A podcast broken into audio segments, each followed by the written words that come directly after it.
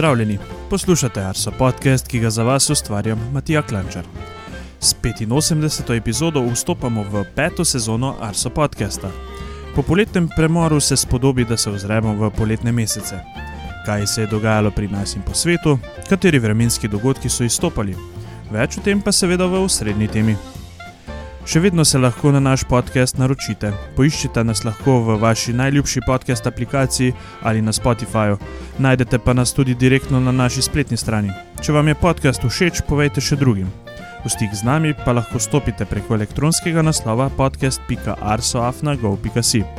Seveda smo prisotni tudi na družbenih omrežjih, kjer z veseljem delimo vaše slike, storije ali se z vami pogovarjamo o vremenu.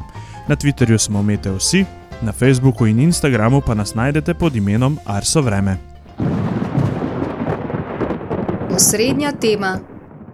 Za uvod v novo sezono v svoji družbi pozdravljam klimatologa Gregorja Vrtačnika. Zdravo, Gregor. Živijo. Uh, kot sva že v bistvu v zadnji epizodi pred poletjem napovedala, bova v prvi oddaji nove sezone pregledala poletno dogajanje doma in pa po svetu. Uh, seveda, prvo vprašanje, ali se je tvoja napoved glede najviše temperature v Sloveniji uresničila in izpolnila?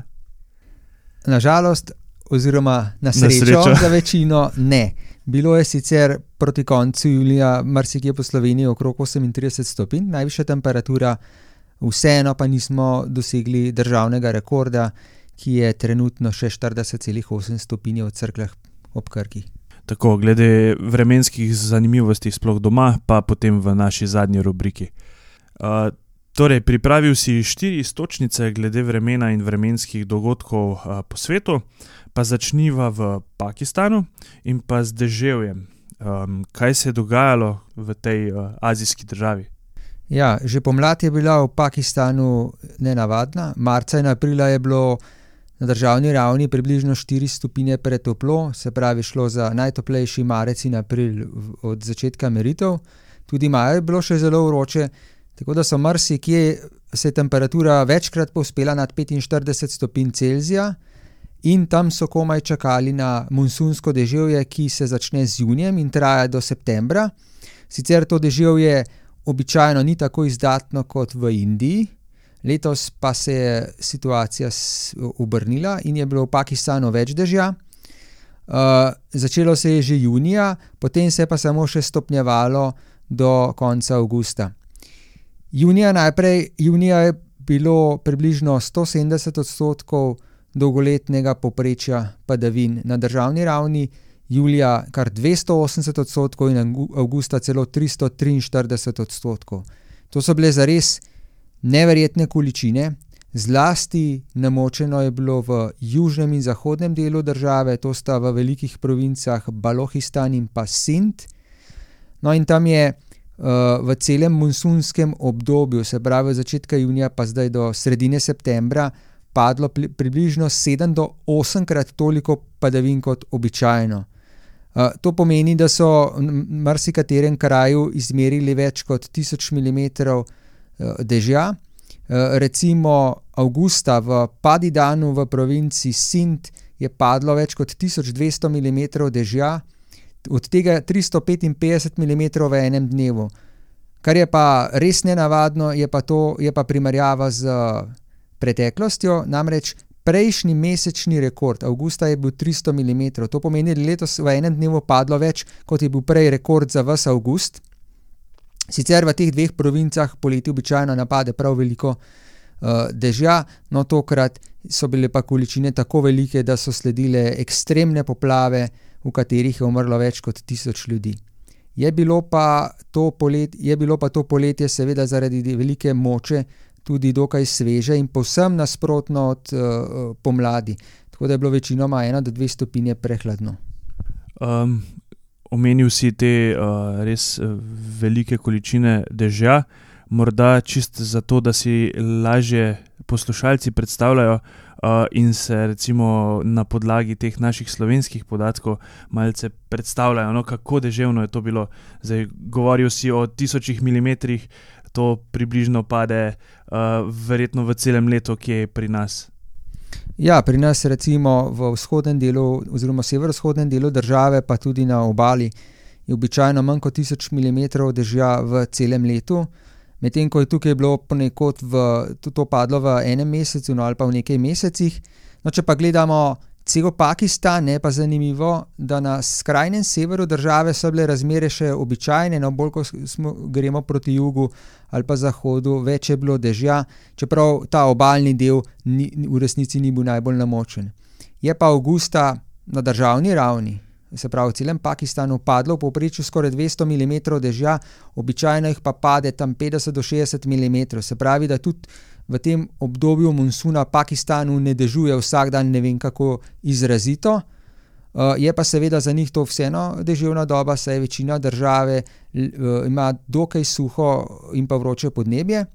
No, in teh uh, letošnjih skoraj 200 mm padavin avgusta, kot poprečje na ravni države, je bilo mnogo, mnogo več od prejšnjega rekorda, ki je znašal 117 mm leta 2020. Ne, in te številke, se pravi, te ti, ta uh, izjemnost teh rekordov, to je nekaj, kar pri nas, verjetno, ta, se pravi, takih vremenskih ekstremov pri padavinah, pri nas, verjetno še nismo imeli.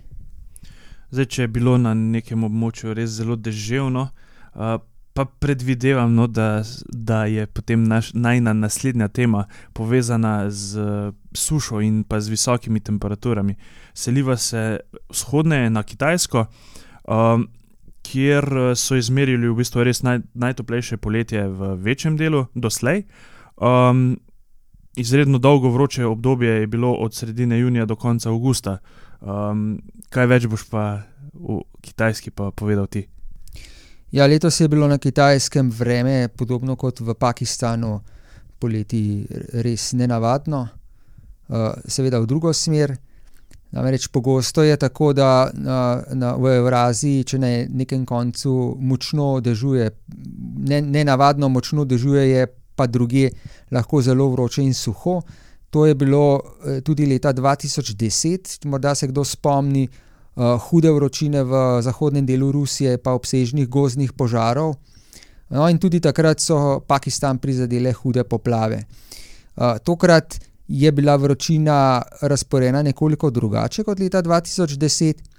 Uh, hudo prizadeta poleg Evrope je bila tudi Kitajska, zlasti vzhodni del, nekako od, od, od samega središča države proti območju Šanghaja in okolice, tam je bilo najbolj uh, izrazito pretoplo, glede na dolgoletno povprečje. Ta vročina je pa trajala tako rekoč skoraj celo poletje, oziroma približno dva meseca in pol. Šele konec avgusta se je od severa počasi ohladilo in šele takrat so, je temperatura zraka v večjem delu države padla pod 30 stopinj Celzija. Šlo je za najmočnejši vročinski val na kitajskem doslej, po nekaterih ocenah celo na, za najbolj ekstremno obdobje vročine, glede na klimatološke razmere uh, na svetu nasploh. Namreč šlo je za veliko območje in pa res zelo dolgo trajanje. Zaradi tega je nekatere kraje, nekatere province prizadela huda suša. Uh, Jankce, ki je bil še spomladi zelo visok, je poleti zelo hitro upadel in dosegel najnižji vodostaj v zadnjih 150 letih. Uh, poleg, se pravi, zaradi te hude vročine so imeli nekateri kraji tudi velike težave z oskrbo z električno energijo. No, če pa omenimo še nekaj uh, podatkov, Uh, je pa najbolj izstopalo območje Chongqinga v notranjosti Kitajske, kjer se je v avgusta 22 dni zapored tudi po noči ni ohladilo pod 30 stopinj. To, to, to, je, to je neverjetno. To, to je za naše razmere nepredstavljivo. Pri nas, recimo na obali, uh, v Kopru, kjer imamo najtoplejši, kjer, je, kjer imamo najvišjo poprečno temperaturo od vseh uradnih postaj, uh, je skoraj nemogoče, da bi bilo po noči 22 dni zapored nad 20 stopinj, kaj šele nad 30. No, in statistika uh, te, te postaje na kitajskem pa kaže, da je bilo v celem poletju 33 takih dni, ko temperatura po noči ni padla nad uh, po 30 stopinj, in ta številka je enaka vsem takim dnem od leta 1951 do 2015. Se pravi, v enem letu so nabrali za 65 let teh, recimo, vročih noči. No, in seveda, ker je bilo tudi po noči uh, nad 30 stopinj, je čez dan bilo jasno okrog 40, nekaj dni zapored tudi od 42 do 44 stopinj. To pomeni, da je bila povprečna temperatura tega obdobja kar krepko nad 35 stopinj. Ja, res neverjetne številke, uh, ki si jih na srečo ne znamo predstavljati, kaj bi to pomenilo pri nas. Um, se seliva nazaj v Evropo, k nam v bližino, uh, predvsem zaradi tega, tudi, ker več, večkrat smo slišali novice povezane z vremenom oziroma z vremenskimi rekordi iz Evrope. Ali je bilo letošnje leto najtoplejše v Evropi, ali še vseeno ostaja rekordno leto 2003. Slišali pa smo veliko tudi od, seveda, požarov. Konec koncev smo imeli obsežne požare tudi pri nas na Krasu. Uh, govorili smo veliko o suši, potem pa tudi o izjemno nizkih vodostajih uh, evropskih veletokov. Um, kaj se je dogajalo, v bistvu, kateri deli Evrope so pa sploh uh, izstopali po vročini? Ja, če začnemo pri poletju 2003. To je bilo nekako do pred nekaj let poletje v Evropi, ki je bilo v, vsaj v, v srednjem in zahodnem delu nekaj posebnega. Takrat je bilo jedro vročine, zlasti avgusta v, na območju Alp in pa v Franciji. Letošnje poletje pa je bilo na ravni cele Evrope kot geografske enote, se pravi območje Zahodno od Urala.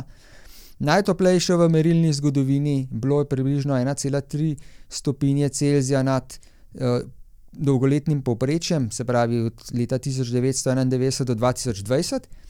No, zanimivo, da je bilo da je bilo naslednje najtoplejše poletje v Evropi 2010, takrat je bila huda vročina zlasti v vzhodnji Evropi, no in tisto je bilo tri desetinke hladnejše od letošnjega poletja, in pa nekoliko hladnejše od leta 2010, tudi zelo vroče poletje 2018, ko je vročina bila eh, najhujša od eh, Francije do Nemčije. Vsi trije meseci letošnjega poletja so bili mnogo toplejši od dolgoletnega povprečja v večjem delu Evrope. Uh, so pa v različnih, recimo, različnih časovnih obdobjih bili ekstremi, temperaturni ekstremi v različnih delih Evrope. Najprej uh, je bilo sredi julija, se pravi, če gremo na, res, na tiste najviše vrednosti, sredi julija je bil najprej višek vročine na portugalskem. 14. julija so na severu države izmerili do 47 stopinj Celzija, to je bila tudi ena najvišjih vrednosti v celotni merilni zgodovini v Evropi, namreč evropski rekord uradni je 48 stopinj in pol. Uh, sredi julija uh, prav tako je bila, pote, je bila potem vročina, ki se, ki se je začela s tem viškom na portugalskem in v Španiji, uh, tudi v Franciji, kjer so na številnih merilnih mestih v zahodnem delu Francije, ki je običajno najhladnejši, pa naj, najmanj vroč del Francije poleti zaradi vpliva Atlantika.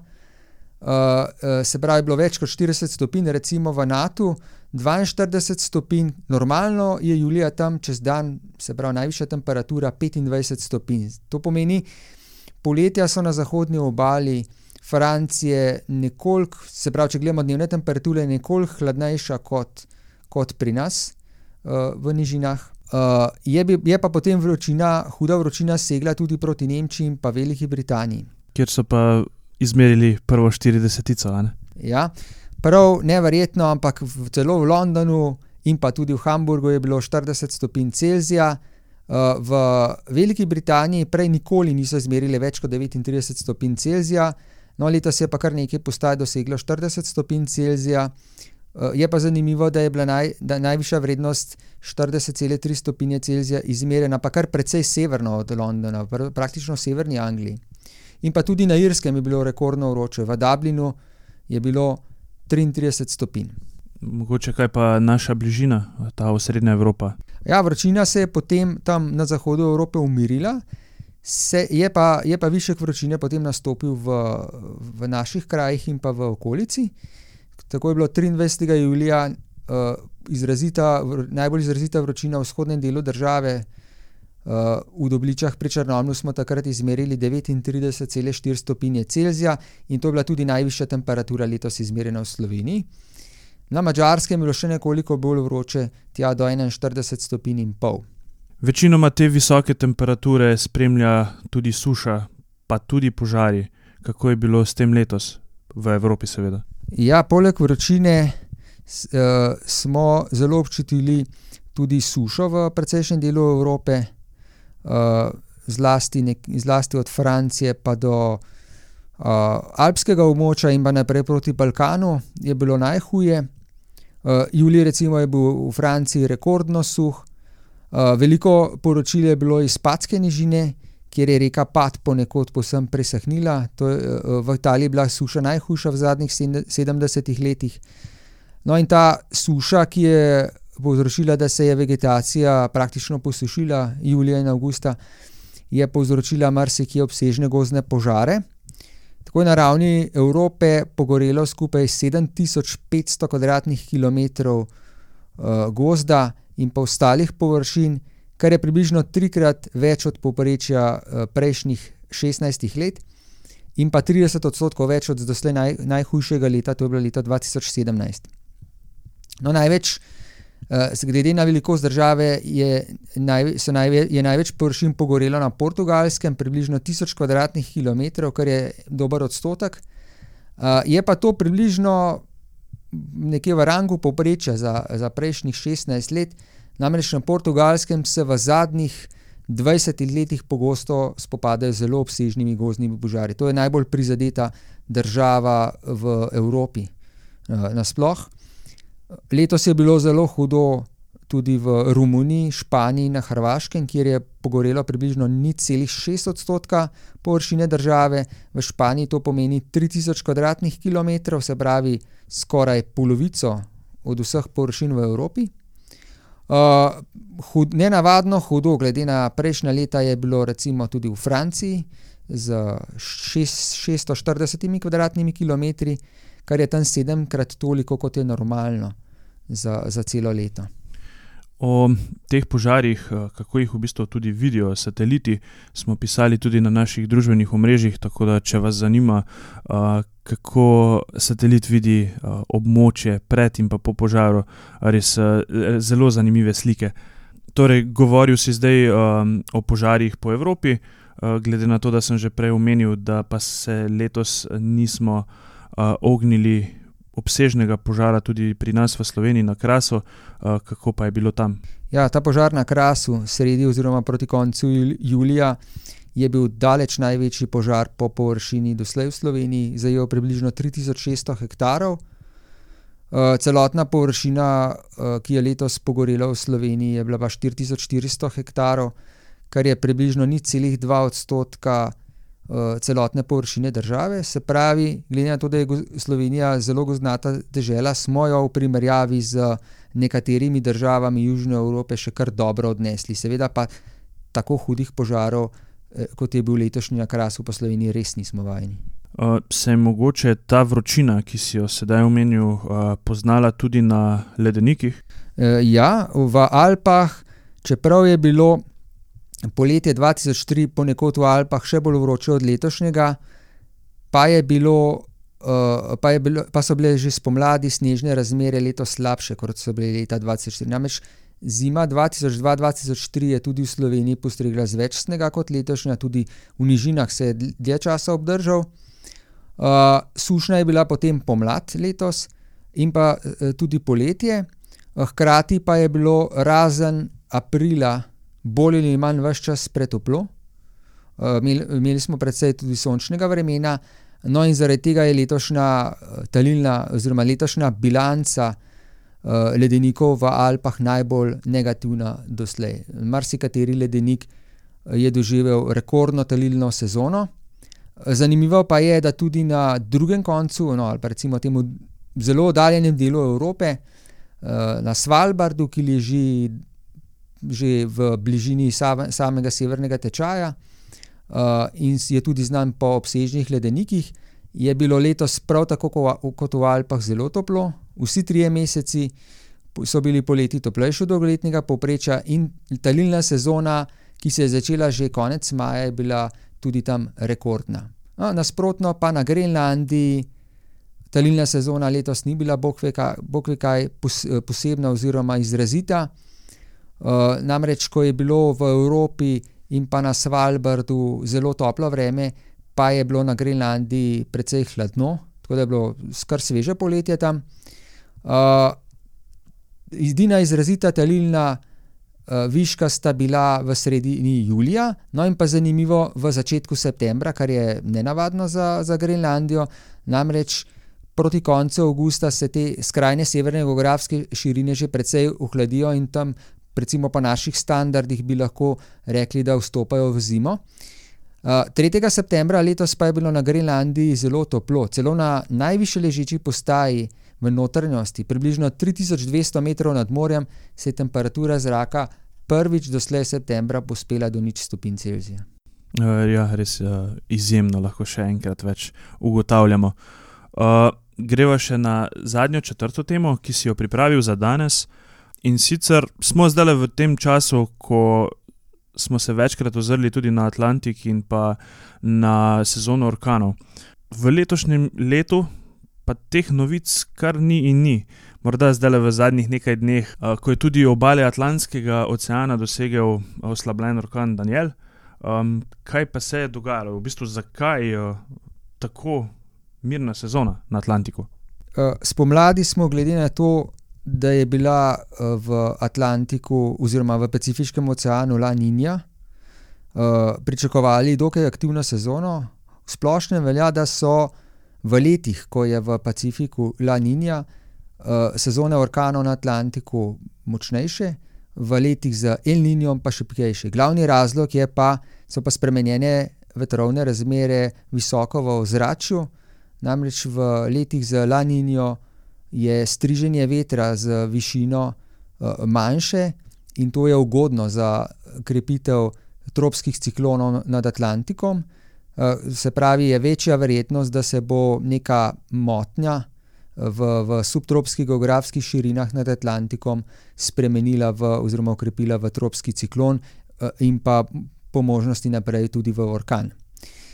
Letos se je sezona začela še dokaj normalno, od začetka junija do začetka julija smo imeli tri tropske viharje, se pravi, noben ni prerasel v orkan.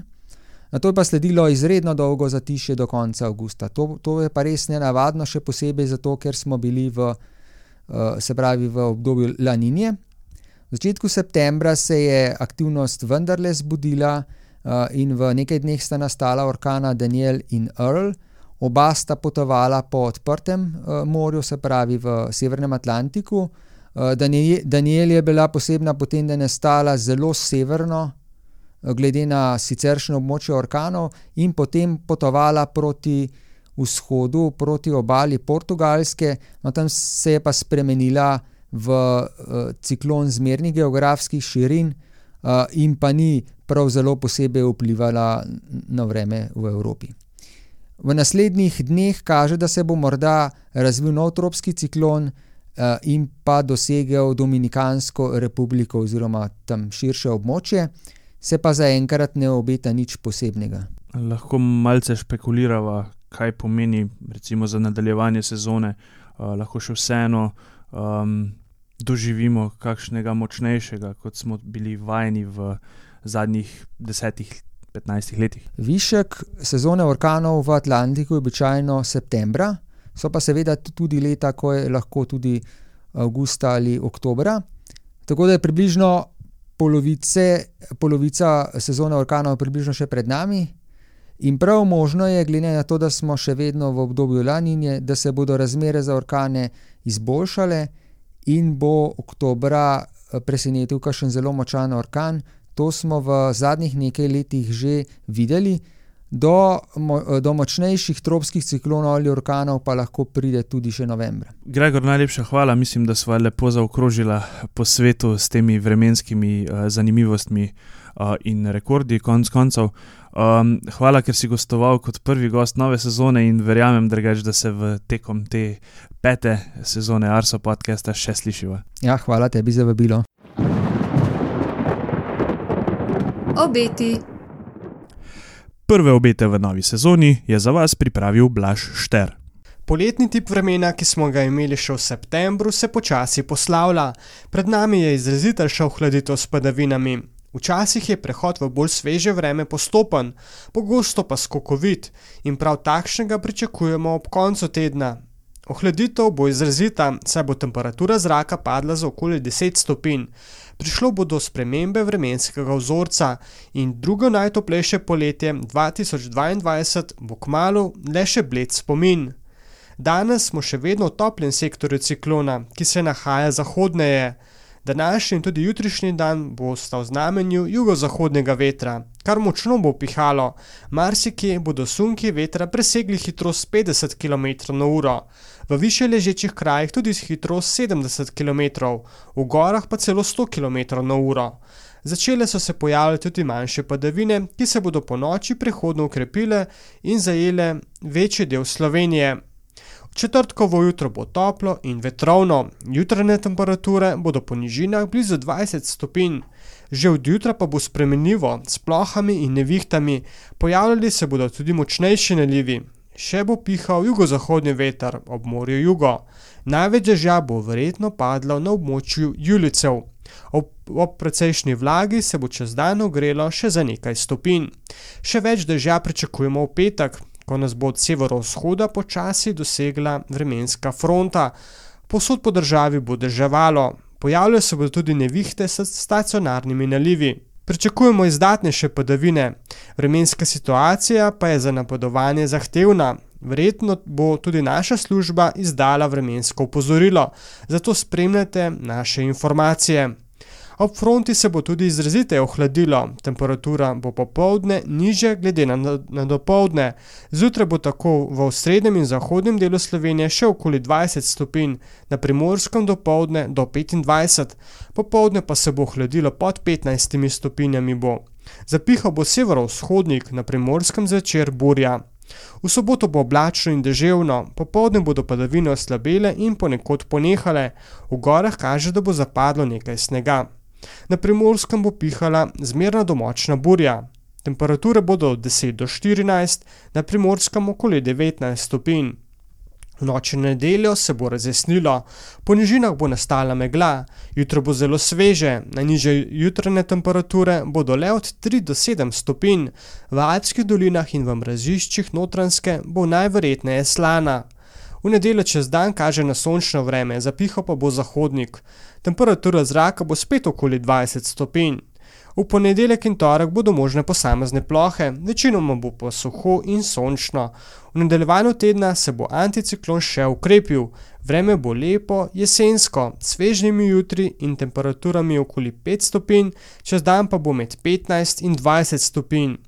Od vročine se bomo torej poslovili. Srečno do prihodnič! Vremenske zanimivosti. Na mestu je, da se v prvih vremenskih zanimivostih ozremo v poletje in pogledamo, kakšne ekstreme smo v zadnjem letnem času izmerili pri nas. Najvišja temperatura je bila izmerjena na postaji Dobliče pri Črnomlju. 23. julija je bilo 39,4 stopinje Celzija. Najnižja temperatura letos poleti se nikjer ni spustila pod ledišče, najmanj je bilo 9. in 10. junija na Kredarici, ko je termometer pokazal ni celih 4 stopinje Celzija. Tudi najhitrejši sunek vetra je bil izmerjen na, na naši najvišji postaji Kredarica. 22. junija je pihalo s hitrostjo 125 km/h. Omeniti moramo seveda visoke sunke vetra po nižinah. 18. augusta smo na postaji Ljubljana Bežigrad izmerili najvišjo hitrost vetra. Prvič smo izmerili sunek z več kot 100 km/h in sicer 102 km/h. Čeprav padavin celo poletje ni bilo v izobilju in smo večji del poletja govorili o ekstremni suši, smo največjo dnevno količino izmerili na padavinski postaji Solčava. 5. julija je padlo 107 mm padavin. Spodobi se, da pregled poletnih vremenskih zanimivosti končamo s soncem. Najdaljše dnevno trajanje sončnega obsevanja je bilo v nedeljo 19. junija. Na Kredarici je sonce sijalo 15 ur. Najbolj sončna postaja letošnjega poletja pa je bila po pričakovanjih postaja na letališču Portorož. Tam so v treh mesecih zbrali za skoraj 1028 ur sonca. Uspešno smo prebili let pete sezone in 85. epizode Arso podcasta. Še vedno se bomo slišali na vsakih 14 dni.